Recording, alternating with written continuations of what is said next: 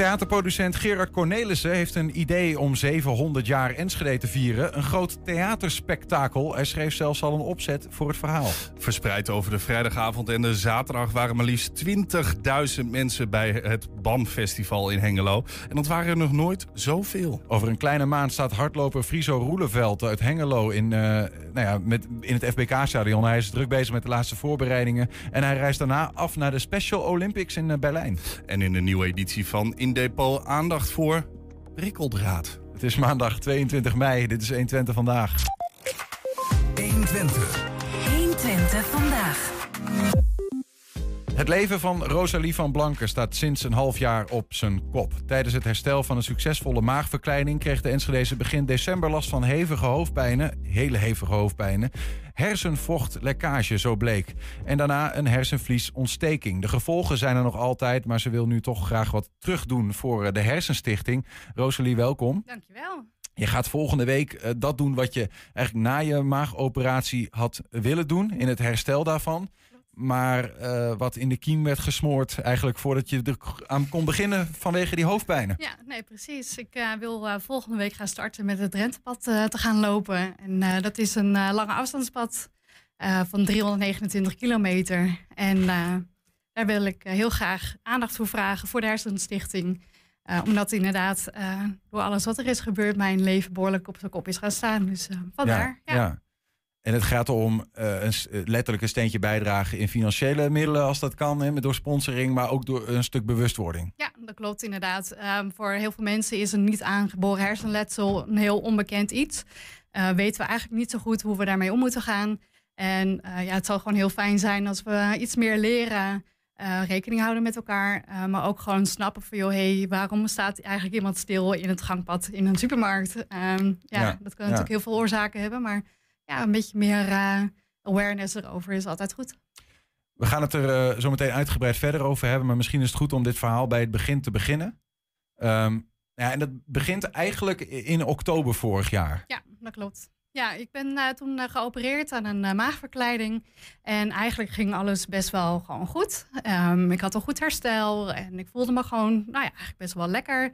Um, ging ook wel veel meer wandelen. En um, ja, het zag er eigenlijk allemaal best wel gewoon goed uit. Ja, want even als je een maagverkleining hebt, dan heb je daarna neem ik aan ook een tijd dat je even helemaal niks kunt. En daarna ga je weer aan de wandel, ja, lijkt mij ja, zo. Ja, nee, klopt. Wandelen is sowieso gewoon het remedie uh, na zo'n operatie. Het is fijn om in beweging te komen. Um, je lichaam moet natuurlijk gewoon weer wennen aan de nieuwe status van het lichaam. Uh, wandelen is gewoon fantastisch. Dus uh, je hoeft ook geen hele verre kilometers te maken, maar gewoon in beweging komen is goed. Ja. Um, dus ja, dat wandelen, dat zat er altijd al wel in. Um, ja, totdat inderdaad in december het uh, allemaal een beetje anders ging. Um, ik s'nachts wakker werd met knallende koppijn. En uh, ja, daar bleek wel wat meer aan de hand te zijn. Ja, ja, en dan nota bene tijdens Sinterklaas ja. beland je in het ziekenhuis zelfs. Ja, ja dat was wel heel zuur met uh, vier kindjes thuis. Uh, ja, was dat niet, uh, niet heel fijn. Niet het cadeau wat je had gewenst wat dat betreft? nee, nee, totaal niet. Nee, nee. en, en dat, dat bleek uiteindelijk een hersenvochtlekkage. Ja, dat, dat, klopt. Dat klinkt al heel naar. Ja. wat wat is dat precies, hersenvocht überhaupt? Ja, um, om het heel simpel uit te leggen, je hersenen worden beschermd in je schedel um, door middel van een vlies uh, en door middel van uh, vocht, hersenvocht. Mm -hmm. En dat is heel belangrijk, want je hersenen zijn natuurlijk een hele zachte materie eigenlijk. Um, maar je schedel is keihard. Dus om de schokken goed te op te kunnen vangen, heb je dus hersenvlies en hersenvocht. Een soort buffer tussen ja. je hersenen ja. en het, de harde schedel. Een soort precies. airbag. Ja, precies. Het is een soort airbag inderdaad. Ja. En um, ja, als daar dus een lekkage in komt, door wat voor manier, wat voor reden dan ook, ja, dan wordt het natuurlijk een heel ander verhaal. En dan ga je je echt niet fijn voelen. En dan ga je hoofdpijn krijgen en je kunt gaan overgeven of misselijk en uh, duizelig worden. Ja. Um, ja, dat was eigenlijk een beetje mijn uh, uh, diagnose dat ik s'nachts wakker werd. Dat ik dacht van, goh, ik heb zo ontzettend veel hoofdpijn en ik hou ook niks binnen. En, hm, Die hersenen liggen in één keer los in, in, ja. in, een, in, waar ze eerder goed vast zaten door dat, door dat vocht. Ja. Maar is dit dan zomaar gekomen of heeft het ook nog iets met die maagverkleining van doen? Nee, de maagverkleining staat hier helemaal buiten. Oké. Ehm, er was inderdaad ook iemand die zei van ja, maar je hebt toch een, eh, een ehm, ruggenprik gehad als eh, narcosemiddel. Maar dat is nooit aan de orde geweest. Ik ben onder algehele narcose geweest voor mijn operatie, dus dat stond echt buiten. Ja. Ehm, maar ja, goed, de oorzaak op zich, meestal ligt het dan inderdaad als jij eh, moet niezen of als jij keihard je hoofd stoot. eh, of inderdaad bij een ongeluk, hè, dat je dus letsel eh, oploopt, dan heb je wel kans op hersenvochtlekkage. ja. Ehm, ja, ik werd er midden in de nacht mee wakker. Gewoon, het was er ineens. Gewoon, het was er. Had ja. je toen al een meter gewandeld in je herstel na je maagoperatie ja, of niet? wel hoor, je wel. Heel veel kilometer al. Ja, toch al wel. Ja, je was al wel bezig wat dat Ja, betreft. klopt. Ja. Maar ja, goed, dat, eh, dat, ik neem aan dat wandelen en knallende koppijn hebben tegelijk, dat het niet een hele prettige combinatie is. Nee, überhaupt overeind komen was al te veel gevraagd. Als je gaat zitten, dan komt er natuurlijk al een hele andere druk in je hersenen dan als je ligt. Ja. Ehm, ja, liggen was eigenlijk de enige optie die ik nog had. Dus dat, eh, ja. En wat, wat doen ze dan? Want je hebt dus, je, blijkbaar, je gaat naar het ziekenhuis, Ja. ze komen erachter, je hebt een, een, een hersenvochtlekkage. Ik neem aan Ja. dat je voor het eerst, dat je überhaupt ook voor het eerst hoorde dat dat bestaat. Hè? Zo kan ik me zo voorstellen. En, en dan, wat, wat doen ze dan daaraan? Ehm, ze wilden in eerste instantie eerst al gewoon checken van... Goh, joh, hoe staat het ervoor met de druk in je hersenen? En met die eh, punctie die ze eigenlijk deden... daar kwamen ze er al achter dat die druk veel te laag was. Ehm, je moet er eigenlijk een beetje nagaan dat jij normaal gesproken... een, een eh, hersenvochtdruk hebt, zeg maar... eh, noem maar even wat, tussen de 10 en de 15 bijvoorbeeld. En dat was bij mij nog niet eens de helft. Mm. Dus toen was eigenlijk de diagnose er al veel... hey, dit is echt niet in orde. En, moet iets eh, bij er om moet de druk weer, bij. eh, Ja, precies. Die druk moet weer terug. Ja. Ehm, en ik heb uiteindelijk dus ook een eh bloedpatch gehad. En dat is eigenlijk een ingreep die ze doen op de OK. Eh, ze halen wat bloed gewoon uit je arm vandaan. Net als dat jij gewoon eh, bloed zou prikken bij een eh, bloedpost. Ja. Ehm, maar dat wordt weer teruggespoten in je ruggenmerg. Ja. E- Excuus voor de mensen die dit lastig vinden om te horen. hè. Want die, die heb je natuurlijk die nu in de auto zitten en dan eh, zelf onderuit gaan. Dat is niet de bedoeling. Nee, Blijf erbij. Ehm, maar eh, het is wel nodig om dat te vertellen, omdat we beg- begrip krijgen van wat, wat is er in jouw lichaam gebeurd. Eh, wat er vervolgens gebeurt is omdat, eigenlijk, omdat de druk op, op de hersenen eh, wegvalt en die, dat vlies wat, waar dat vocht in zit, dat zakt eigenlijk in. Eh, En nou ja, daar gaat uiteindelijk iets mis, zodat eerst denk je, nou het is opgelost. De, de hersenvochtlekkage is, is, is verholpen wat dat Klopt. betreft. Ja. Maar dan komt er nog een hevigere hoofdpijn terug. Ja, precies. Eh, De hoofdpijn kwam weer terug. Ik was eigenlijk net een paar dagen weer thuis uit het ziekenhuis. En toen begon de ellende opnieuw. Eh, maar toen bleek dus dat ik eh, toch een hersenvliesontsteking had opgelopen... doordat die lekkage er was geweest. Dus ja, heel jammer, heel spijtig. En toch weer terug het ziekenhuis in eh, beland. eh. Ja, kun je, Ja. want we- we hadden een gesprek hierover. Toen zei je, ja, ik denk, het is migraine maal duizend. Ja, Wat, wat, ik, ik heb gelukkig geen ervaring met migraine, maar wat, wat gebeurde jou dan? Hoe, hoe kun je dat beschrijven? Ehm, nou ja, een beetje migraine is natuurlijk gewoon een hele heftige hoofdpijn. De meeste mensen die migraine hebben, ehm, kunnen dan ook gewoon geen licht eh, verdragen, geen geluid verdragen. Gaan het liefst gewoon in een zo donkere mogelijke kamer liggen en hopen dat het snel weer overgaat. Mhm. Ehm, ja, in dit geval was het eigenlijk ook gewoon zo. Ik kon eigenlijk geen licht verdragen, zo min mogelijk geluid ook. Ik heb ook echt gewoon, het was heel fijn dat je in het ziekenhuis gewoon je eigen kamer kan hebben. Ehm, ja, eigenlijk het liefst inderdaad nog met kussen over mijn hoofd. Van, nou ja, ik, ik blok zoveel mogelijk. Ehm, ja, en uiteindelijk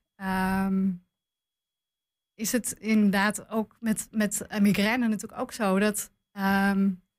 ja, je weet, je, je gaat liggen en je hoopt gewoon dat het overgaat. En dat was met zo'n hersenvliesontsteking net zo. Je krijgt daar natuurlijk gewoon antibiotica voor en allerlei pijnstillers. Maar ja, het, het is pittig. Kwam ja. er dwars doorheen, Ja. die pijn. Ja. Ja.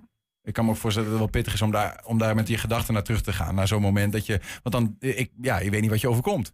Nee, dat weet je echt niet. Nee, nee, en ook gewoon echt van je stokje afgaan. Dat je denkt van, nou jongens, ik hou ook gewoon niks binnen. En ik kan gewoon niet eens overeind blijven zitten. En Ja. ja, ja dat was best wel angstaanjagend. En nu hebben we het nog steeds over december afgelopen jaar. Ja, klopt. En de, wat gebeurt er dan daarna vervolgens? Want ergens word je met antibiotica zeg je geholpen. Zo'n Ja. ontsteking moet natuurlijk weggaan. Klopt. Ehm, eh, Want, we- want je zit hier nu ook omdat je gaat wandelen, eh, maar, maar met nog steeds gevolgen van die Ja. hersenvliesontsteking. Ja, dat klopt. Ik eh, loop nog steeds elke dag er tegenaan dat ik snel overprikkeld ben. En snel vermoeid ben. Ehm, nou ja, ik heb gewoon kinderen rondlopen thuis dat ik jongens ik ga weg, want dit wordt me te veel. Eh, dus ik heb ook gewoon echt mijn eigen ruimte ingericht thuis, zodat ik gewoon echt een dicht, deur achter me dicht kan trekken. En Hoe kan dat dan? Want die eh, ontsteking is weg. ja, klopt. Maar je, ja, weet je, zie je het net als zo'n griep. Je moet er weer overheen komen. Je moet weer een beetje inkomen. Je moet weer een beetje ja, je, je eigen ik terugvinden. En eh, ja, oververmoeidheid en prikkels, dat, dat blijft denk ik wel altijd een issue. Dat dat eh, nooit helemaal over zal gaan. Ja, dat, dat is ook altijd een beetje het nare van, eh, van een niet aangeboren hersenletsel. Dat dat voor sommige mensen, dat ze moeten accepteren dat er bepaalde gevolgen zijn die niet meer weggaan. Ja, klopt. Aan de andere kant zou je ook kunnen zeggen, hersenvliesontsteking kan dodelijk zijn. ja, als Je het, bent er eh, nog. Ja, ik ben er nog. Ik heb gewoon een mazzel gehad dat het op tijd gedetecteerd is en dat het allemaal eh, goed is aangepakt. Ehm, maar ja, weet je, en zeker ook met hele jonge kinderen en eh, ook met ouderen, ja, daar kan het echt wel ja, doorslaan en ehm, hele fatale gevolgen hebben. Ja. Ja. Je beschrijft net even van wat, wat het voor jou nu nog voor gevolgen heeft. Hè? Eh, snel vermoeid, concentratieproblemen, geprikkeld. Ehm, is, dat, is dat iets dat, dat beter wordt langzaam? Of, Ehm, nou, dat hoop je wel. Ehm, maar voel je dat zelf? Of, Nou ja, weet je, voor mezelf heb ik soms wel dat ik denk van, oh nou, weet je, het gaat al een stuk beter. En dan kijk ik mijn man aan die zegt, nee hoor, dat gaat helemaal nog niet veel beter. En ja, hij ziet de gevolgen nog veel beter dan dat ik zelf eh, soms zie. En eh, ja. ja. hij is ook wel echt degene die eh, de klappen zeg maar nog meer opvangt, omdat het gewoon, ja, hij moet dealen nog een keer met iemand die eh, denkt dat het allemaal wel kan en dat toch eigenlijk niet gaat. En eh, ja, je emoties en je, Ja. je stemming wordt daardoor ook wel weer bepaald. Dus ja, het is soms best wel een uitdaging voor hem. En ook voor jou kan ik me voorstellen. Hè? Want, Ja. ja. je, want, eh, Ja. want dat is even, ik bedoel, ehm, ik weet, we spraken eerder een keer met een meneer in deze uitzending, die had ook niet aangeboren hersenletsel. En dan is het zo plotseling in je leven dat je als persoon ook in één keer helemaal anders eh, bent. Ja, en dat, dat je jezelf ziet en denkt, ehm, what the heck eh, happened, zeg maar. Ja, ja, dat is ook zo. En ik merk wel dat ik, ehm, en zeker in het begin had ik echt heel veel last van, van de overprikkeling en eh, eh, de lichtprikkels bijvoorbeeld. Nou, dat gaat nu wel een stukje beter. Dus daarin zie ik wel mijn eigen vorderingen, zeg maar. En denk ik van, nou weet je, ik zit op de goede weg en het komt wel goed. Mhm. Ehm, maar er zijn inderdaad nog steeds wel momenten dat ik denk van, nou, ik weet niet zo goed of het wel allemaal haalbaar is. En ik weet niet zo goed of het eh, me weer zou lukken om eh, mijn werkzaamheden bijvoorbeeld weer op te pakken. Of dat soort dingen. Ja, dat is gewoon nog best wel een eh, onzeker iets. Je gaat 329 kilometer wandelen, verdeeld over 17 etappes, 17 dagen. Klopt. Eh, is dat ook, vroeg ik me af, van naast het feit dat je daarvoor geld wil inzamelen voor de Hersenstichting, bewustwording wil creëren, je zit hier nu, is het ook een stukje therapeutische basis, Ja. verwerking voor jezelf? Ja, absoluut. Ja, ja en ook gewoon eh, het gevoel hebben van... hé, hey, ik kan wel weer iets organiseren. Ik was daar altijd al heel erg van om dingen eh, te organiseren... In, in evenementjes en dat soort dingen. Ehm, dus daarin zat toch wel een soort kracht van... nou ja, weet je, ik kan het nog steeds. Ik heb nog steeds in me om eh, mensen aan te spreken... en gewoon te zeggen van... hoi, hey, ik heb een idee, ga je mee? Ehm, maar ja, daarin zit ook nog zeker wel een heel groot personeel, hoe noem dat, persoonlijk deel in. Omdat je gewoon eh, ja, dat toch wil laten zien van... hé, hey, kan dit. En, eh, Ik- ik ben er- ik ben er weer. Ja, precies. Ja. Ja. Ja. maar het gaat wel pittig worden als ik zo hoor Ja. wat je in je hoofd te verstouwen hebt en dan t- 17 dagen wandelen. Is. Ja. Ja, is, dat, is dat ook iets waar je druk om maakt of niet? Nee, ik ehm, zie het meer als een uitdaging die ik gewoon heel erg wil aangaan. om natuurlijk ook deels wel aan mezelf te laten zien van... hé, hey, joh, ik kan het. Ja. Ehm, en aan de andere kant, ja, de uitdaging zal er inderdaad ook zijn van, joh, hey, je loopt tegen dingen aan en hoe ga ik dat dan nu oplossen? En ehm, ja, ik heb daar wel vertrouwen in dat dat goed komt. En ik sta er ook wel open in van, goh, hey, we zien, we zien wel wat we op ons Ja, pad komen, ja, eh, tegenkomen. En ja, weet je, wat dat, dat, eh, ja, precies. Ja. Je, je beschrijft het ook als een soort van: ik wil iets terugdoen aan, eh, aan de Hersenstichting. Wa- Wat, hebben zij voor je betekend? Ja, heel veel. Ehm, niet zozeer dat ik echt bij een revalidatiecentrum ben geweest, of dat soort dingen, maar wel gewoon in de gesprekken van goh, hey, dit is wat er nu met jou aan de hand is. En ehm, ja, een stukje eh, uitleg en kennisoverdracht. En eh, dat is gewoon heel fijn. Is dat belangrijk dat je weet waarom eh, is mijn lichaam in één keer niet meer wat het was? Ja, zeker. Ja, want daardoor leer je beter jezelf snappen. leer je beter omgaan met nou ja, de slechte momenten. En ehm, nou ja, ook hoe kun je het dan weer uitleggen naar je omgeving toe. Bedoel, mijn kinderen zijn jong. Waarom ben ik nou ineens anders aan het doen dan vorige week? Weet je, dat, dat ja, heeft best wel impact op je, op je gezin ook. Ja, Nou, die kun je dat uitleggen. Ja. Die, men, die man of vrouw in de supermarkt waar je het net over had, of waar jij gewoon in je dagelijks leven mee te maken krijgt, als je net even wat geprikkelder gereageerd of even de weg kwijt bent in je Ja. hoofd, eh, minder, minder snel. Ja, klopt. Ja, en je krijgt best wel vaak rare gezichten als je in een supermarkt staat en gewoon in paniek raakt omdat je niet meer weet wat je daar doet.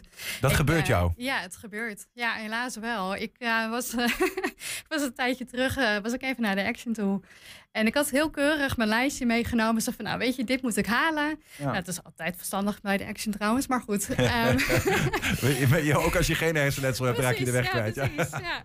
Ja. Ehm, maar in ieder geval, eh, ik stond daar en ik wist dus niet meer dat ik mijn lijstje bij me had. En ik was gewoon echt in paniek van, ja, maar wat doe ik hier eigenlijk? Waarom ben ik hier nu in deze, in deze winkel? En ehm, er was een grietje, die liep daar langs bij en die, zat me aan te kijken. Van, wat sta jij nou in paniek?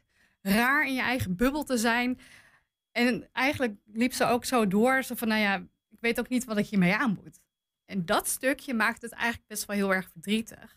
Omdat je gewoon ehm, eigenlijk door een heel simpele vraag te stellen van... Goh, joh, hey, ben je oké? Of ehm, kan ik je helpen? Of kan je iets niet vinden of whatever. Weet je, het zijn maar hele kleine dingetjes. Maar dat kunnen zoveel Ja. grote impacten hebben...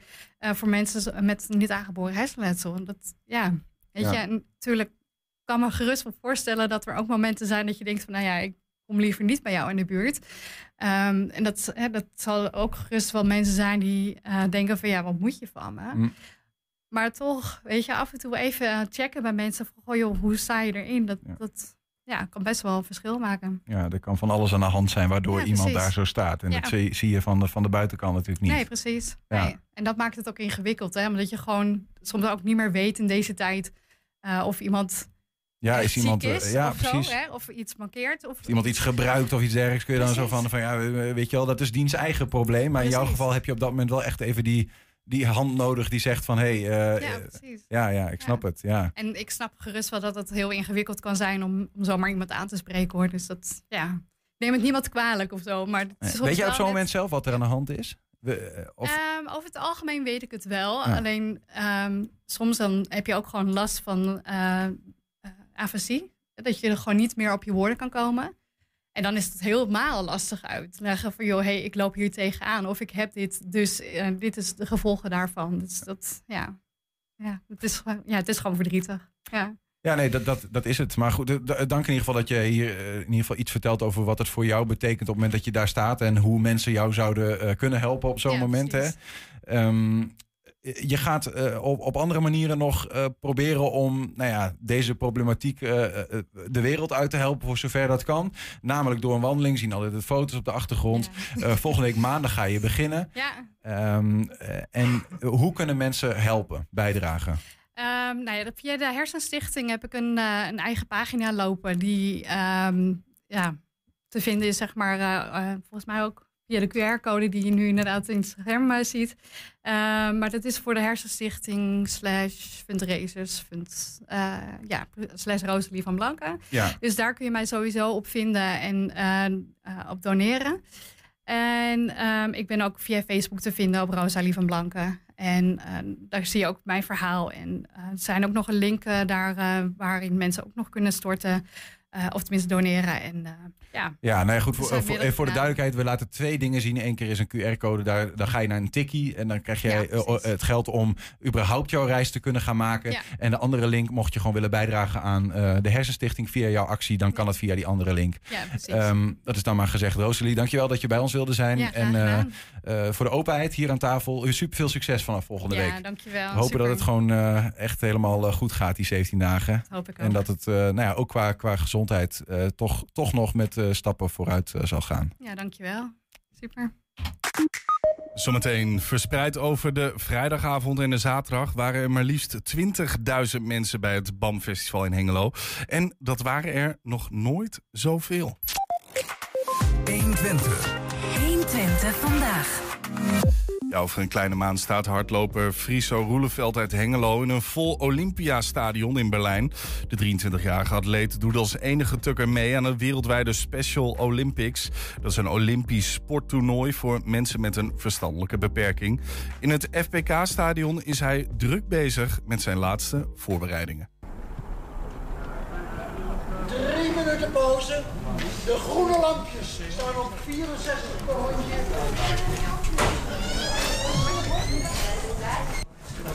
Nog een ruimte hoor. We gaan uh, vandaag makkelijk beginnen. Links rechts laten vallen. Heel. Gaan we eerst erin zetten. Ik ben uh, Friso Roeleveld, 23 jaar uit Hengelo. Ik doe mee aan de Special Olympic World Games. Oké, kun je me uitleggen wat dat is? Uh, de de uh, uh, special, dat, dat zijn me- mensen, mensen met een beperking.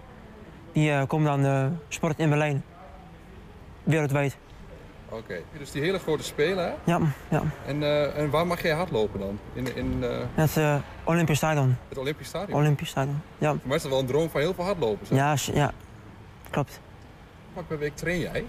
Zes keer in de week als het lukt, anders vijf keer. Ja, Dat is best veel. ja, En eh, vind je het ook altijd leuk om te trainen? ja. Gewoon een stukje verslaving bij mij. En dan elke keer, ik moet weer dit of dat doen. Eh, ja. Ga je vandaag trainen? Nog één ding, nog een verrassing bij Herman.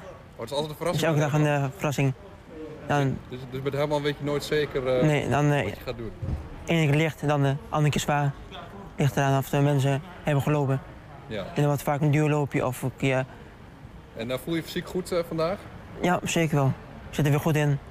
Dus je hebt er zin in. Ja, alleen maar. Nou, mooi. Succes zo, hè? Dankjewel. Komt zeker goed. Kom op. Goed spanning houden.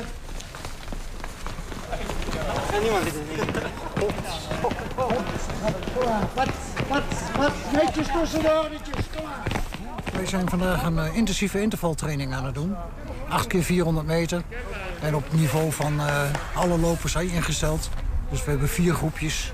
En dan kunnen ze met de lampjes meelopen. En dan is het een stukje makkelijker. Ja. En Friso is eh, zich aan het voorbereiden, of niet? Ja, die gaat naar Berlijn, dus eh, dat is eh, heel erg leuk, hè? Ja. Hij is een van de uitverkorenen, zeg maar. Ja. Ja, want is hij, eh, want is hij de enige van de, van de vereniging eh, Ja. die die kant op gaat? Hij is de enige, volgens mij, zelfs uit Twente, die daar naartoe gaat. Ja. Want eh, voor de mensen die het niet kennen, hè, wat, wat, wat, wat gebeurt daar in Berlijn dan? Ja, het zijn de Special Olympics. Dat zijn dus eigenlijk de Olympische Spelen voor mensen met een beperking. En, Friso heeft ook een beperking. En Friso heeft ook een verstandelijke beperking. Ja. En hoe lang traint u Friso al? Ik denk dat hij nu zo'n beetje twee jaar in mijn groep meetraint. Nou, dat gaat hartstikke goed, zoals je ziet. eh. Ja, ja. Ja, want wat, hoe is dat eigenlijk om in, zo- in het Olympisch Stadion? eh, Ja, dat is natuurlijk immens en er kunnen honderdduizend mensen, honderdduizend toeschouwers kunnen erin. Eh, als je onder het Olympisch Stadion loopt, een heel gangenstelsel waar je, dat is echt eh, immens groot. Nog vele malen groter dan dit mooie stadion. ja. Ja, hij was, eh, een paar weken terug was hij hier op de witte rand getrapt en dan is hij door zijn enkel gegaan. En eh, dan, nu heeft hij zijn enkel getaped en hij kan gewoon weer meedoen, dus eh, dat is wel fijn. Dus eh, voor Berlijn eh, moet dat helemaal Ja, voor Berlijn is dat weer helemaal over, dus eh, dat komt helemaal goed. Ja. Dus hoe, gaat het, hoe gaat je training nu tot zover? Lekker, pittig, maar lekker. Ja? Ja, Want ik hoorde van, eh, ik hoorde van, jou, van jouw trainer dat jij een blessure hebt gehad, of niet? helaas wel. Afgelopen, voor twee weken terug, Maar wat is er gebeurd dan? eh, ben ik precies op dat, eh, daar zo, bij die eh, mannen, ben ik precies op zo'n eh rood balkje gevallen. Ben ik zo gaan, door de voet gaan, door, door de enkel gegaan. Oh, En nu heb ik eh tape op mijn voeten. En dan eh, hopelijk gaat het dan eh, daarmee over. ja. En, en heb je er veel last van nu of valt mee? En nu minder, maar de afgelopen paar keer kon ik gewoon niet eh, staan, traplopen, hardlopen. Ik kon gewoon, kon gewoon niet. Ja. En toen moest ik alleen maar fietsen of eh, wandelen. Oké. En, en, en nu gaat het dan weer, weer de Nu goede kant op? gelukkig wel iets beter weer. Nu kan ik gewoon weer iets, iets vallen dan eh, net. Oké, Of, dus of, of dan toen. en voor, eh, voor Berlijn ben je helemaal weer fit, denk je? Ja, zeker wel. Ja, en ik ga ervoor. En, en is gewoon al, al, al een belevenis Ja. dat ik gewoon heen mag. Straks het hele stadion vol natuurlijk met mensen. Ja, ja, allemaal bekende mensen, onbekende mensen, binnenland, buitenland, maakt niet uit. En Gaat jouw familie ook mee? Ja, broers, broers, zussen, aanhang. En mijn vriendin gaat mee. Ach, kijk eens aan. Ja. Dus, eh, het is een heel, heel groot publiek. Ja, echt heel mooi. Nou, succes verder met je training. Dankjewel.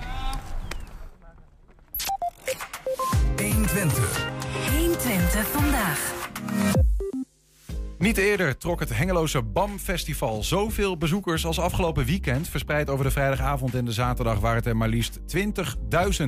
Daarmee was de 14e editie in ieder geval eh, de best bezochte ooit. Aan de telefoon is voorzitter Tijmen de Groot. Tijmen, gefeliciteerd. Dankjewel. Ja, we kijken echt terug op een hele geslaagde editie. Nou, dat geloof ik. En die, die 20.000 bezoekers, dat was een soort van magische grens waar jullie doorheen wilden breken of zo? Nou, het is altijd leuk als veel mensen het festival weten te vinden. Eh, nou is het natuurlijk eh, voor het tweede jaar op rij dat we nu de vrijdag toegevoegd hebben. Dus eh, we waren eigenlijk nog niet eerder zo in de buurt. Mhm. Dus erg leuk dat we dat gehaald hebben. Ja, dus het, het- maar is, is, is, ben je daar, ja, dat vraag ik me gewoon af, ben je, ben je bewust aan het, mee bezig van, ja, als we dat halen, dan is het succesvol of is dat niet per se een ding? Nee, nee, dat valt eigenlijk heel erg mee. We zitten al jaren zo tussen de 13.000 en 15.000 bezoekers op de zaterdag. En dan is het park ook gewoon vol. Eh, en volle hoeft ook niet per se, is ook niet per se een doelstelling van ons. Ja. Het is wel leuk dat heel veel mensen het weten te vinden en het heel erg waarderen. Dus dat is echt, echt waar we het voor doen. En dan heb je het over het eh, Sint-Bernards-plantsoenen in Hengelo, waar zich dit afspeelt. Het Prins Bernhard Plantsoen. Oh, sorry, Prinsberg. ik zit- Ja, je hebt- Sint-Bernard is iets anders. Eh, maar wat is dit voor festival voor mensen die het niet kennen? Het is echt een heel eh, divers festival. We hebben natuurlijk een aantal muzikale headliners staan die eh, mensen echt aantrekken. Dit jaar was dat bijvoorbeeld Toontje Lage en Brainpower, Wies. Eh, maar daarnaast bieden we ook een heel groot aanbod aan straattheater, aan kindertheater, aan beeldende kunst. Dus we proberen het heel breed te houden. En voor het eerst dit jaar hadden we ook korte films. Dus ook, ja, er waren ook films die vertoond werden. En dat allemaal in een, een prachtige omgeving, hè? Want dat Prins Bernhard plantsoen, eh, dat is natuurlijk een geweldige plek. Ja, dat is een, eh, een decor op zich. En we proberen het altijd nog een beetje aan te kleden natuurlijk. En we hebben onze eigen decorstukken en kunstwerken. Ja. Alleen het park zelf is al prachtig. Ja, een, een- een vijver, een, eh, weet je wel, een, mooie zo'n zo'n koepelgebouwtje wat er dan staat. En nou, jullie podia staan er doorheen. Ik eh, zag het in de opbouw. Super mooi. Maar eh, dit allemaal, want dat is ook nog wel een bijzonder ding. Gratis en voor niks. Ja, klopt. Eh BAM, BAM is gratis voor alle bezoekers. Eh, we willen het heel laagdrempelig houden. Eigenlijk is dat de reden waarom het gratis is. En daar geen financiële drempel voor opleggen. En we merken ook, mensen die we nu spreken, dat zeggen... Hey, ik heb mijn eerste muziekoptreden bij jullie gezien. Of ik heb eh, voor het eerst geleerd hoe leuk, hoe leuk straattheater is. Omdat ze bij ons ergens tegengekomen zijn. Eh, dus die laagdrempeligheid, laagdrempeligheid vinden wij heel belangrijk. Maar nou horen we de, de, de grote festivals in Nederland eigenlijk klagen van... hé, hey, joh, die prijzen voor het eh, drinken worden hoger. De prijzen voor artiesten, hè, die ook hun corona-moeilijkheden moeten inhalen... en dat doorrekenen.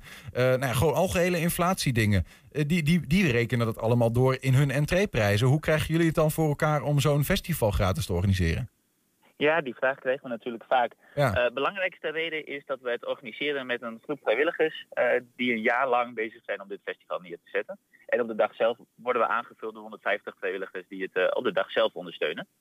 Eh, dus dat is een manier om de kosten laag te houden. Mhm. Daarnaast inderdaad, de drankomzet is een belangrijke manier om ons gat te dichten in de begroting. Of in ieder geval om het financieel eh, haalbaar te maken. En in die zin, met een mooi weereditie is dat makkelijk praten. Ja, Als het een keer wat slechter weer is, dan hebben we wel echt een uitdaging.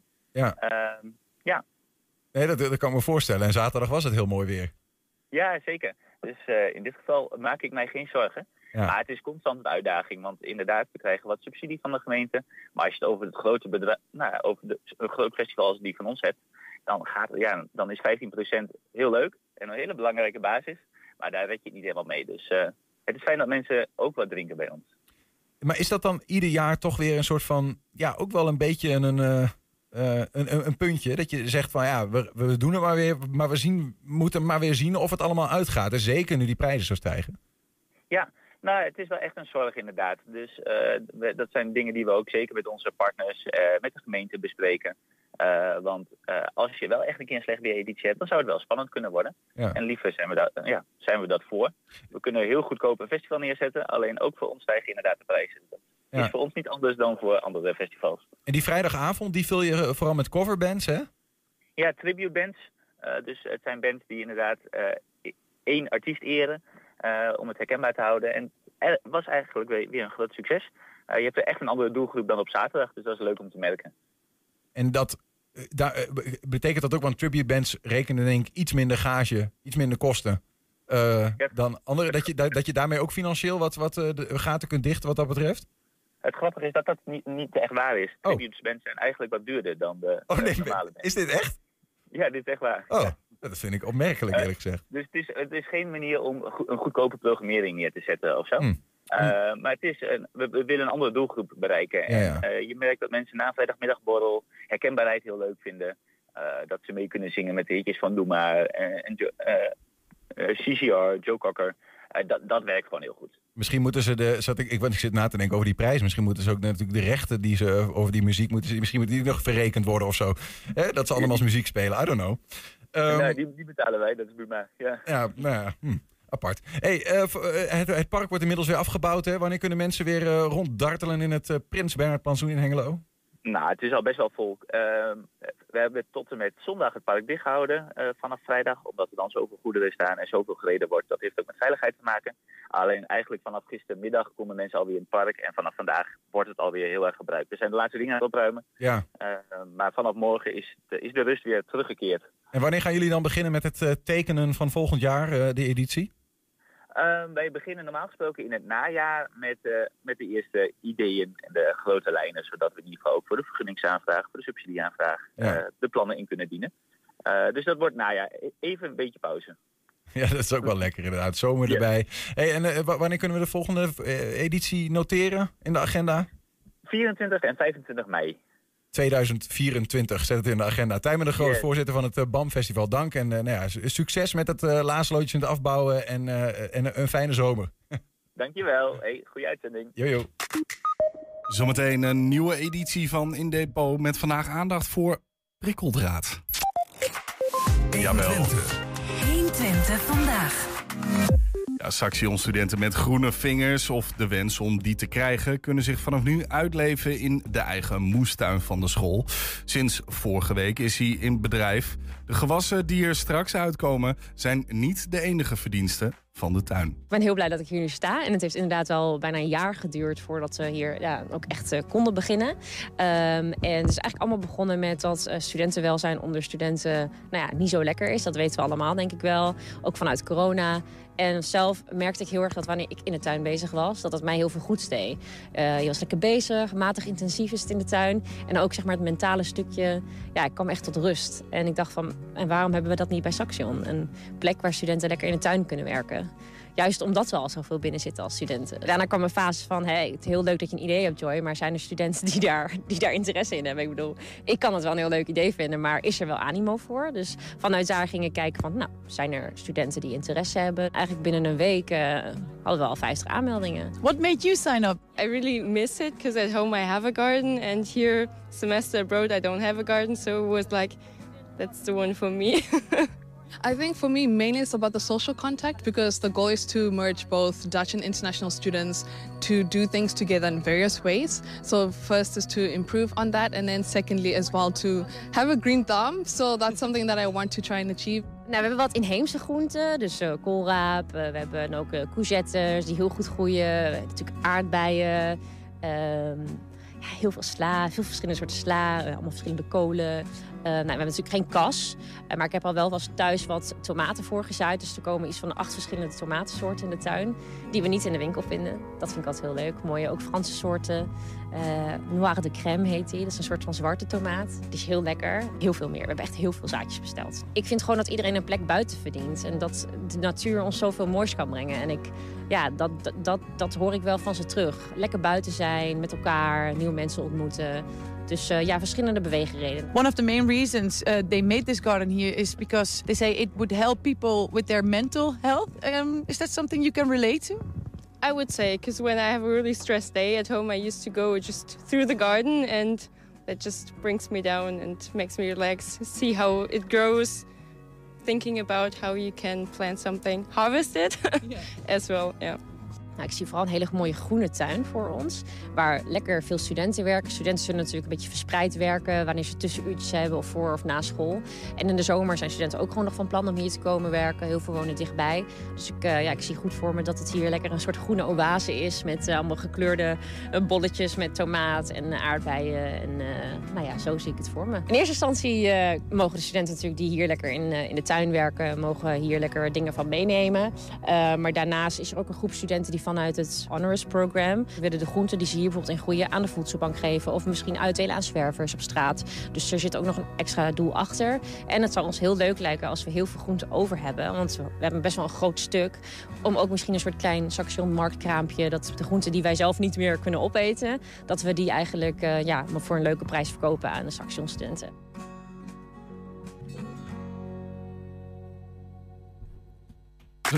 We zijn ook als podcast te vinden via alle bekende platforms. En je vindt dan 120 vandaag de hele uitzendingen. Op 120 vandaag uitgelicht kun je iedere dag één item uitgelicht krijgen. Dus ook op zaterdag en zondag. Doe maar. Nog gratis ook, hè? Een chest vandaag. Enschede staat voor een grote klus. Het jubileumjaar in 2025, waarin de stad 700 jaar bestaat tot het mooiste feest ooit maken. Onlangs kwamen allerlei inwoners met ideeën voor de viering al naar het gemeentehuis om hun plannen te pitchen. Ook theaterproducent Gerard Cornelissen die mengt zich. Hij wil een groot theaterspektakel over Enschede dat zich op meerdere plekken in de binnenstad afspeelt. Hij schreef zelfs al een opzet voor het verhaal, de plaatsen en de poppetjes die het mogelijk moeten maken. Gerard, welkom. Nou, dankjewel. Fijn dat ik er weer mag zijn. Voordat we naar jouw uh, idee gaan.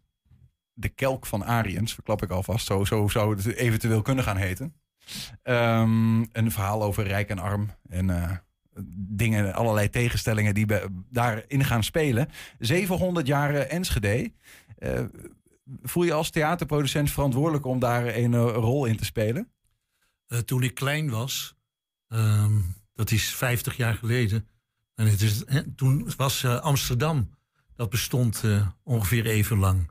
En daar mocht, was, mocht ik als kleine jongen aan meewerken. En toen dacht ik, als het nu 700 jaar Enschede wordt... nou, dan lijkt me dat heel leuk in een stad als Amsterdammer...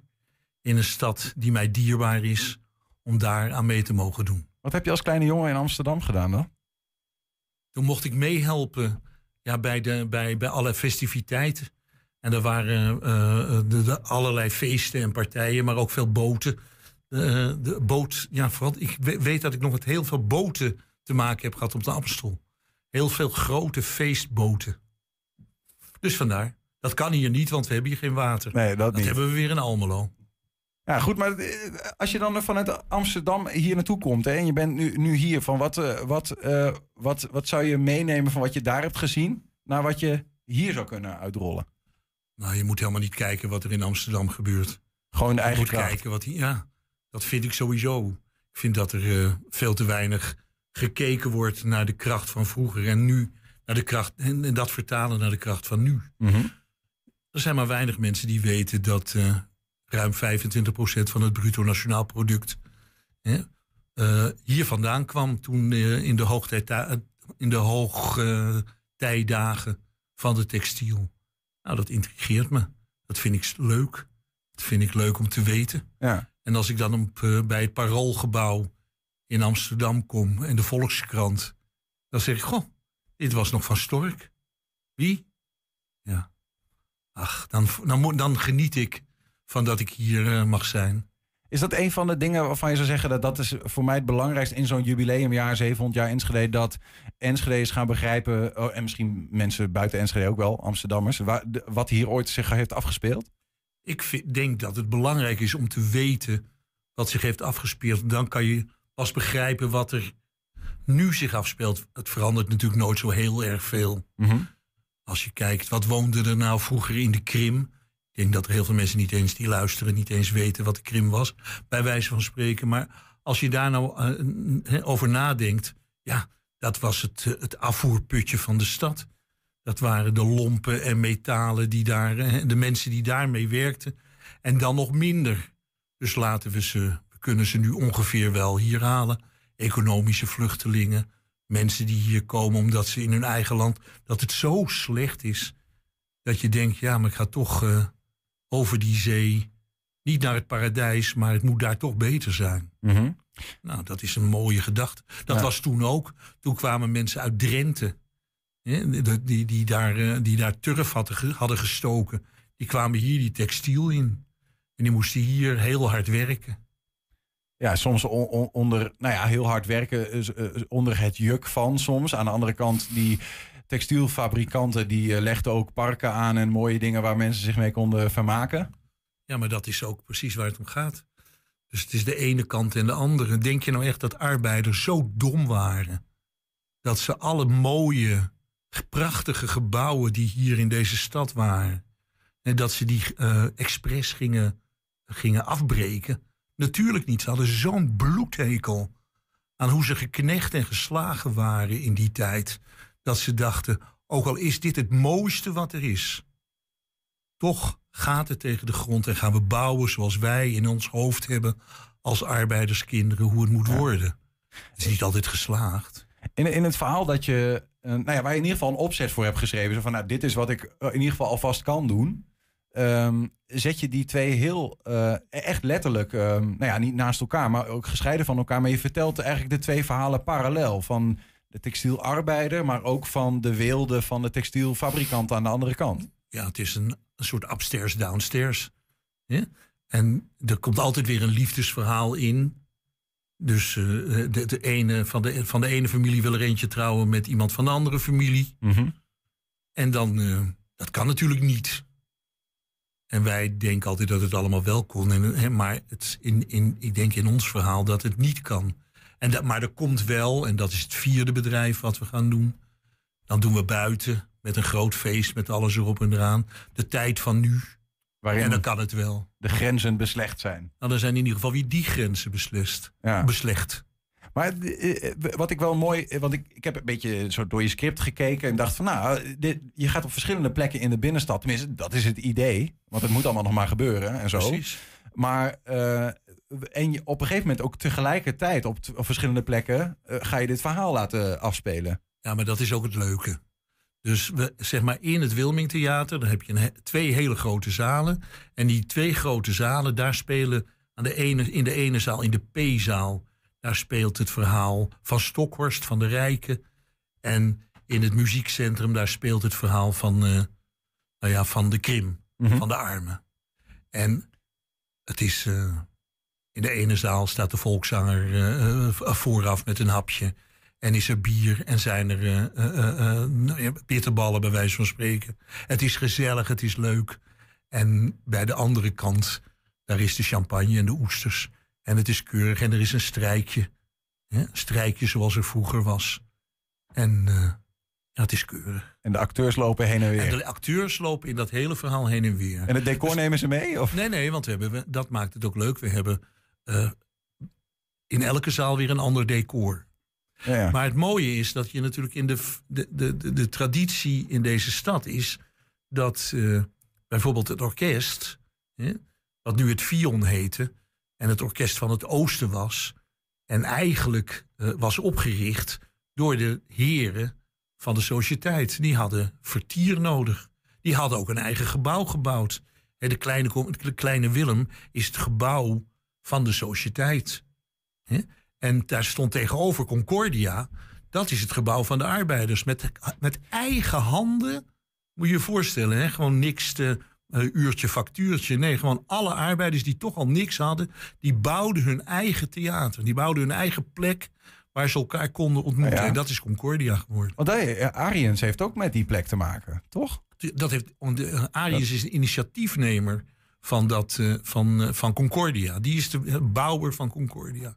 En het mooie van Ariens, dat is ook een lijn die erin komt. Hè? Ehm, als je nou ehm, katholiek bent, en dat was hij. En je ziet dat het. En, en kerk en staat waren natuurlijk helemaal niet zo gescheiden als we zeiden dat het was.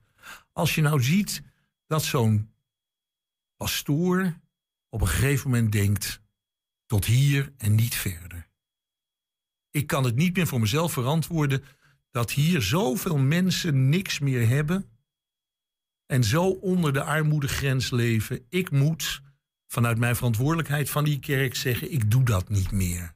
En ik sta op voor de arbeiders. Dat vind ik mooi. Want dan sta, je eigenlijk op tegen het gezag van, eh, van, de, van de grootte van, van deze gemeenschap. Eigenlijk sta je op tegen God. Nou, daar hou ik van. Trouwens, dat is niet alleen maar hier. Hè. Dat is mooi als je opstaat tegen God. Ik heb het wel eens in reizen gezegd tegen Hans ter Stegen. Zijn familie die stond op tegen de dominee. Hij stond op tegen God. Want dat stond het eigenlijk gelijk aan. En ik zeg altijd, als je opstaat tegen God... heb je een grote kans dat je multimiljonair wordt. Hans ter Stegen is een grote eh, bouwer in reizen. Dames en heren. Een terstegenbouw, inderdaad. Ja, dat is Nou, terstegenbouw. Maar uh, nu, in deze tijd, eh, eh, wat ik wel interessant vind... is dat eigenlijk voor sommige mensen zeggen van... ja, cultuur is opnieuw iets geworden voor de, voor de elite. Nou, dat geloof ik ook dat je dat kan zeggen als je dat. dat dan, dan moeten we, gaan we heel lang moeten we daarover doorpraten hoe dat komt. Maar de, de, de, de, de, de stad, de steden, die zijn verantwoordelijk geworden voor niet zozeer voor de inhoud, maar voor de stenen. Ja. dus er staan prachtige gebouwen. En, maar de, eigenlijk de verantwoordelijkheid voor die inhoud, die heeft jarenlang heeft zich dat ontwikkeld in de Randstad. Zo hadden we dat afgesproken. En je ziet nu die weg weer terug. Kijk maar naar, naar al- de, de locatievoorstellingen. En of het nou van katoen en water is. Of, eh, of eh, eh, harmonie die we straks gaan doen. Of van Varen. Of Hanna van Hendrik. Al die voorstellingen. Het is niet voor niks dat mensen daar op een andere plek hun ervaring willen hebben. En ik denk dat dat ook komt doordat we geen kerk meer hebben. Dus we willen ergens eiken wat er in onze samenleving gebeurt. Dat willen we voelen. En daar willen we bij zijn. En daar willen we zelfs aan meezingen. Omdat we dat vroeger in die kerk zo gewend waren. Ja, ja. Ja, maar goed, ik zie, ik zie een man hier zitten die, die met heel veel eh, eigenlijk bewogenheid praat over die mensen die toen eh, zes dagen in de week, soms zeven dagen, twaalf uur per dag eh, aan de slag moesten. En, en die, die misschien, eh, want de, de, het nageslacht van die mensen, die, die, dat zijn de Enschede's, dat zijn wij met elkaar. Ehm, eh, eh, hoe, want dat is dan de vraag, als je dit verhaal 700 jaar Enschede gaat, gaat vertellen, zeg maar, staan de deuren dan ook open voor, voor iedereen? Want soms is het gewoon voor sommigen onbetaalbaar. Het moet. Alle, en dat is het enige waar we met z'n allen aan moeten werken. Het moet voor iedereen zijn. En je moet het met elkaar doen. Maar het leuke is. Het was eh, eh, twee weken geleden hadden we een, eh, een, eh, die bijeenkomst waar jij het net over had bij het gemeentehuis. Ja. En eigenlijk was het fundament. Als je het voor het geld doet, moet je hier niet zijn. Want het klinkt echt volkomen belachelijk als ik het zeg. Maar dat bedrag wat ze ervoor hebben, dat gaan we met z'n allen uitgeven aan de beveiliging van dat jaar. Dus daar zal het niet, daar zal het niet aan liggen. Maar het gaat erom met z'n allen dat je eigenlijk ook weer terug naar een oud Bijbels verhaal durft te zeggen. We hadden wat broden en we hadden wat vissen. En we waren met een paar mensen bij elkaar en het werden er meer en meer en meer en iedereen deed mee. En op het einde werd het heel erg gezellig en was er zelfs iemand die water in wijn kon veranderen. Nou, dat vind ik eh, mooi. Dat moeten we hebben dat jaar. Dat we het met z'n allen durven doen, alle wijken. En dat we met elkaar durven praten op allerlei plekken over die geschiedenis. Waarom waren die varkenskoppen in Dolvia? Waarom? Zijn die mensen dan dom? Natuurlijk zijn die niet dom. Was die meneer die op datzelfde feestje was twee weken geleden in, de, in diezelfde bijeenkomst waar we waren, die was natuurlijk dronken. Ja, dat snap ik ook wel. En die ging op het podium staan en die zei van, maar waarom heb ik geen geld voor mijn verhuizing? En iedereen riep, ja, maar daar hebben we het vandaag niet over. Daar hebben we het altijd over. Ja. Althans, dat moeten we. En dat moeten we ook in het jaar 700. En daar moeten we dat herdenken. Nou ja, en dat, dat met is, elkaar. Dat is uiteindelijk eh, wat, wat Enschede... Want dat vind ik mooi ook in het idee wat je, wat je hebt voor het theaterstuk. Dat eigenlijk die twee lijnen, de, de, de, de arme textielarbeider die hard werkt voor zijn geld en de rijke textielfabrikant en de wilde die daaromheen is, die, die lijnen lopen eigenlijk parallel aan elkaar. En op, op het einde komen ze samen, letterlijk. Uh, op het Wilmingplein heb ik begrepen, is het idee. En dat is waar we nu, uiteindelijk ook zijn met elkaar, toch? We leven in een stad waarin die twee groepen um, echt letterlijk door elkaar heen uh, wonen. Wat, wat heeft. Um... 116 nationaliteiten. Laten we nou zeggen dat er uh, 20, 25 nationaliteiten zijn die ertoe doen in deze stad. Ja. Wat, wat heeft dat voor jou, want als, als uh, immigrant vanuit uh, Amsterdam, mm -hmm. wat, heeft, wat, heeft dat, wat, wat, maakt dat voor jou, wat doet dat voor jou met het karakter van Enschede? Dat de, juist die geschiedenis en dat we nu dus samen met elkaar uh, in deze tijd leven? Ja, ik, dat is natuurlijk wel een ding wat ik meeneem uit Amsterdam, mee heb genomen uit Amsterdam. Ik heb zwarte kleinkinderen. Er wordt in onze familie helemaal nooit over Zwarte Piet gesproken. Niet omdat dat niet mag, maar dat is helemaal geen item meer. En dat gaat over. Kijk, het gaat over natuur bijvoorbeeld. Hier gaat het heel veel. We hebben hier nog boeren. Ja, ik bedoel, ik kwam met mijn oma. Gingen we naar het Amsterdamse bos. Dat had ze zelf aangelegd. Hè. Dat moet in 1920 hadden ze dat zelf aangelegd. Dus dan ging ik met mijn oma naar de, de natuur in op zondag. En dan zei mijn oma: één boom, twee bomen, drie bomen. Nou heb ik dat teringbos wel gezien. Gaan we nou wat drinken? En dat was natuurlijk zoals het was. Voor hun. Voor mij, ik kan geen, echt geen beuk en een berk onderscheiden. En, en ik wil daarmee zeggen van, van het, de, wat ik in Amsterdam meemaakte, was natuurlijk iets heel anders. En daarom zal ik het ook nooit begrijpen dat hè, wat hier gebeurt. Ik word nooit een onderdeel van een samenleving die, als hij nee wil zeggen, een dubbele hè, bevestiging Jo, jo. doet. Ja. Ja, ja, zegt. Ja? Ze zegt ja, ja en ik bedoel nee. Nou, dan moet het lastig zijn in je leven geweest. En dat is met heel veel van die dingen. En dat, en dat, maar ik ben natuurlijk, ik sta natuurlijk aan die kant hè, van, nou ja, van, van de geknechten. Dat, is, dat, ja, dat, dat zit ook in- gewoon in je aard en hoe je opgegroeid bent en hoe je groot geworden bent. Maar ik heb natuurlijk helemaal niets tegen, tegen, bij- tegen eh, eh, alle Ja. eh, Maar is- tradities van de Van Heeks. Maar is hier nog, is in Enschede nog verzoening nodig tussen verschillende groepen? In nou, in ieder geval eh, eh, dat, dat ze samen durven en willen komen. Als je dat helemaal niet hebt. En ik denk dat iedereen dat heel graag wil. Want ze hè, mensen kennen elkaar niet. Dus een, ja, dat klinkt altijd raar. Dan zeggen mensen, ja, eh, moet je elkaar dan een kopje thee met elkaar gaan drinken? Nou, begin er maar eens mee. Ja, nou ja, die- met elkaar die- eten. Die aanzetten die ga je in ieder geval eh, voor 700 jaar Enschede in 2025 eh, met dat stuk doen. om samen sowieso. uiteindelijk op dat Wilminkplein uit te komen. Ehm, eh, er staan zelfs al in je verhaal al, al letterlijk namen en rugnummers bij verschillende rollen, bij verschillende uitvoerders, bij verschillende scriptschrijvers want- en weet ik veel wat. Maar, maar dat is ook, dat, dat vergeet ik en nooit om te zeggen. Ik ben maar een soort aanjager. Maar het Fion, Zonnevank, het projectorkest eh, van de alle amateurs hier. eh, de, het, het, de, de theaterschool van, eh van eh Karien Roldaan. Iedereen moet meedoen. Hè? Iedereen die ertoe doet in deze stad, die kan aan die voorstelling meedoen. Maar dit gaat toch gewoon gebeuren dan? Ja, maar kijk, het, het is een aanleiding geweest, die 700. Dat stuk, dat ligt er eigenlijk al heel lang. dat dacht ik Dat al. ligt te wachten daarop. Ja, ja. Maar ik kreeg een hartinfarct en toen zei eh, blijkbaar een stemmetje... nee, nu mag het nog even niet. En eh, toen kwam corona en toen zei dat als andere stemmetje... ja, nu kan het nog even niet. En het is zo mooi dat het eh, in 25 wel kan... omdat het, iedereen het wil en iedereen ervoor zal bidden. Nee hoor, dat is flauw. En dan komt het allemaal samen. De Gerard Mooi. dank en succes met aanjagen. Dankjewel. 120. 120 vandaag. Een rol met prikkeldraad. Ja, dat is niet meest het, meest interessante of sexy museumstuk dat je je zou kunnen bedenken. Dat zou je normaal zeggen, maar Ernst Bergboer en Edwin Plokker leggen in een gloednieuwe in depot uit waarom prikkeldraad het Twentse landschap wezenlijk heeft beïnvloed.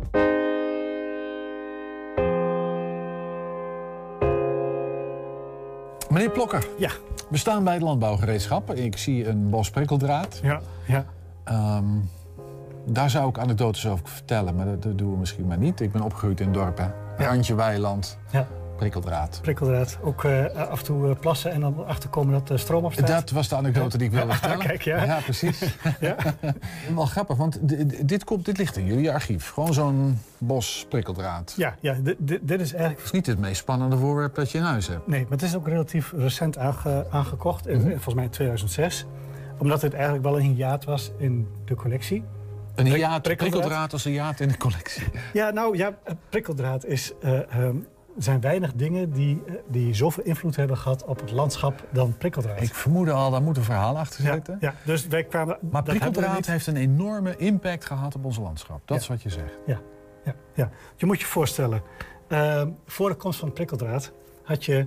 Hoe hield je je vee eh, bij elkaar? Slotengraven, greppels. Ja, eh, houtwallen met name. Houtwallen, ja. Houtwallen. En daar plantte je struiken in met prikkels. Ja, ja precies. Hè? En zo- natuurlijk prikkeldraad. Dus je, dus, dus je had heel veel houtwallen, een heleboel kleine weilandjes, omgeven met houtwallen. Of met hekken met planken, maar dat was best wel moeilijk om te maken. Dus je had heel veel, heel veel kleine weilandjes, allemaal omzoomd met houtwallen. Met name met, ja, wat zit erin? Meidoorn, sleedoorn.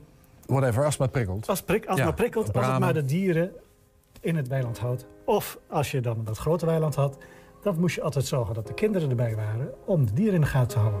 Dus die uitvinding van de prikkeldraad, eh, eh, dat je dus prikkeldraad in plaats van een houtwal kan doen, of of dat, dat prikkeldraad überhaupt beschikbaar kwam, eh, eh, ja, daardoor eh, konden de kinderen, eh hoefden niet meer op de dieren te passen. Nee, die konden naar school en eh, andere school. dingen doen. Of melkkarnen of zoiets. Ja, precies. En eh, je kon de, de houtwallen opruimen. Eh, prikkeldraad is de uitvinding van meneer eh, Glidden uit de Verenigde Staten. Die had een of ander apparaat uitgevonden. Nou, die, had, die had zelf ook een stuk grond. En eh, die vond het vervelend dat zijn dieren steeds wegliepen. En die keek eigenlijk goed naar, eh, naar, naar gewoon de struiken. eh, van, eh, hoe, hoe blijft... Ja, ja, ja, want die had dus ook gewoon een soort houtwal met, met, met meidoorn. Maar dan de een Amerikaanse versie ervan. Kunstmatige meidoorntak. Nou, die keek gewoon van hoe zit het in elkaar? Ja. Van, kan ik dat niet namaken? Dus het is gewoon puur gebaseerd op een prikkelstruik. Ja. Op het tak van een prikkelstruik. Ja. Daar heeft hij naar gekeken. Kan ik dat niet namaken? En die had een soort ehm, ja, molentje maakte die. Daar kon hij aan draaien en dan werden twee draden in elkaar gevlecht. En dan om de 10 centimeter maakte hij dan zo'n stekel die hij ertussen vlocht. Ja. En hij heeft dus op die molen die dat, die dat vanzelf maakte, heeft hij patent op aangevraagd.